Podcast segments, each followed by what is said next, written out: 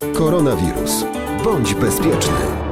Dzień dobry, witam Państwa przy mikrofonie Alicja Kulik. Od poniedziałku, zgodnie z przepisami, stopniowo powinny być wyznaczane rozprawy w sądach. Do tej pory rozprawy w postępowaniu cywilnym prowadzono w formie zdalnej, ale już teraz trwają przygotowania do powrotu spraw na wokandy. W sądzie rejonowym w Olsztynie od poniedziałku rozprawy będą się odbywać w systemie dwuzmianowym od godziny 8.30 do 13.30 oraz od 14.30 do 18.30 19. Sąd wysyła już stronom wezwania na rozprawy zaplanowane w tym systemie, a ponieważ tak pracują też prokuratury, zarówno okręgowa, jak i rejonowe, Rozprawy wyznaczane na późniejsze godziny nie są problemem dla oskarżycieli i na razie sąd nie odnotował sprzeciwu obrońców i świadków w związku z popołudniowymi godzinami rozpraw. A teraz połączyliśmy się z doktor nauk medycznych Joanną Pawlak, konsultantem wojewódzkim w dziedzinie chorób płuc, specjalistą chorób płuc i alergologii w szpitalu pulmonologicznym w Olsztynie. Pani doktor, półtora miesiąca temu rozmawiałyśmy o zachorowaniach wśród młodych ludzi, a półtora miesiąca to bardzo długi czas w przypadku koronawirusa.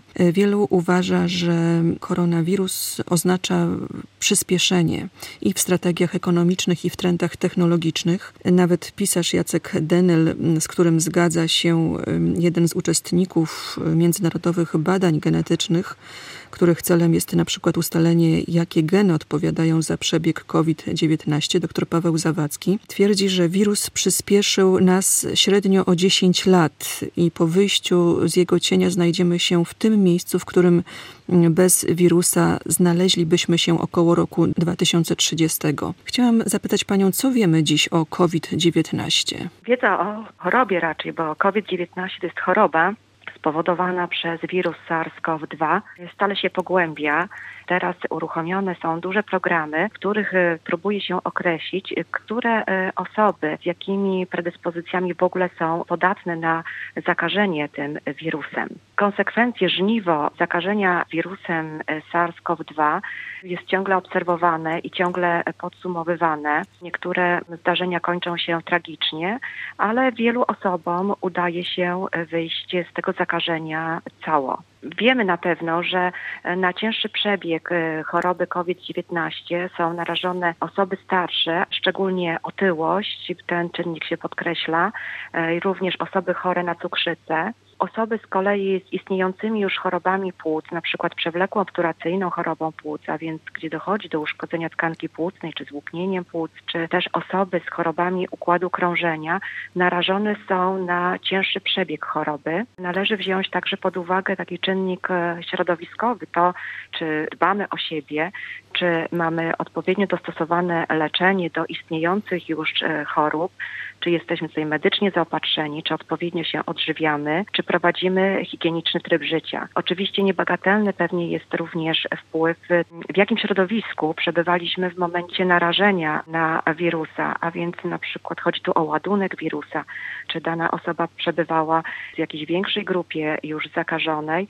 czy może została zakażona mniejszą liczbą wirusa, a jej układ odpornościowy jest na tyle dobry, że jest w stanie sobie dobrze poradzić z tym zakażeniem. Jak spojrzymy na historię właśnie ludzkości pod kątem tego, jak ludzie radzą sobie z wirusami, raczej wirusy e, z ludźmi, to zauważamy pewną powtarzalną cechę, że zawsze jest pewna grupa społeczna, która jest najbardziej za, zagrożona, właśnie czy to ze względu na wiek wspomniany przez panią doktor, czy styl życia, ale również y, okazuje się, że niebagatelną rolę odgrywają y, geny i wspomniany Paweł Zawadzki, dr Paweł Zawadzki, który uczestniczy w międzynarodowych badaniach genetycznych, mówi, że interesują właśnie ten zespół badawczy osoby, które w ogóle się nie zarażają koronawirusem.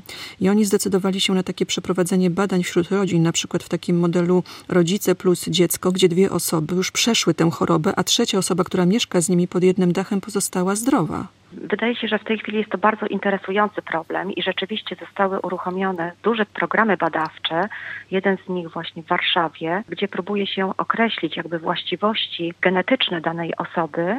To badanie będzie trwało, będzie szczegółowo analizowane i chodzi o to, aby w przyszłości określić jakby skład genetyczny, a więc warianty genów, które warunkują podatność na zachorowanie na wirusa, a które nie. Takie badania w zakresie przewlekłej obturacyjnej choroby płuc w Wielkiej Brytanii wykorzystanie już zostały przeprowadzone na prawie 4 tysiącach osób i okazuje się, że u osób palących papierosy jedne z nich były bardziej podatne na zachorowanie, natomiast innym udaje się bezkarnie przechodzić przez nauk palenia i do rozwoju tej choroby nie dochodzi. Jest to bardzo ciekawy problem. Podkreśla się, aby nie skupiać się na fragmencie naszego genomu, ale na badaniu całego genomu, bo wtedy o wiele łatwiej jest wychwycić pewne predyspozycje do zachorowania na daną chorobę. I te badania, które mogłyby rozpocząć się wiele lat później, dzięki właśnie zdarzeniom, które teraz nastąpiły, no bardzo przyspieszają ten proces. I nawet nie chodzi tutaj o pole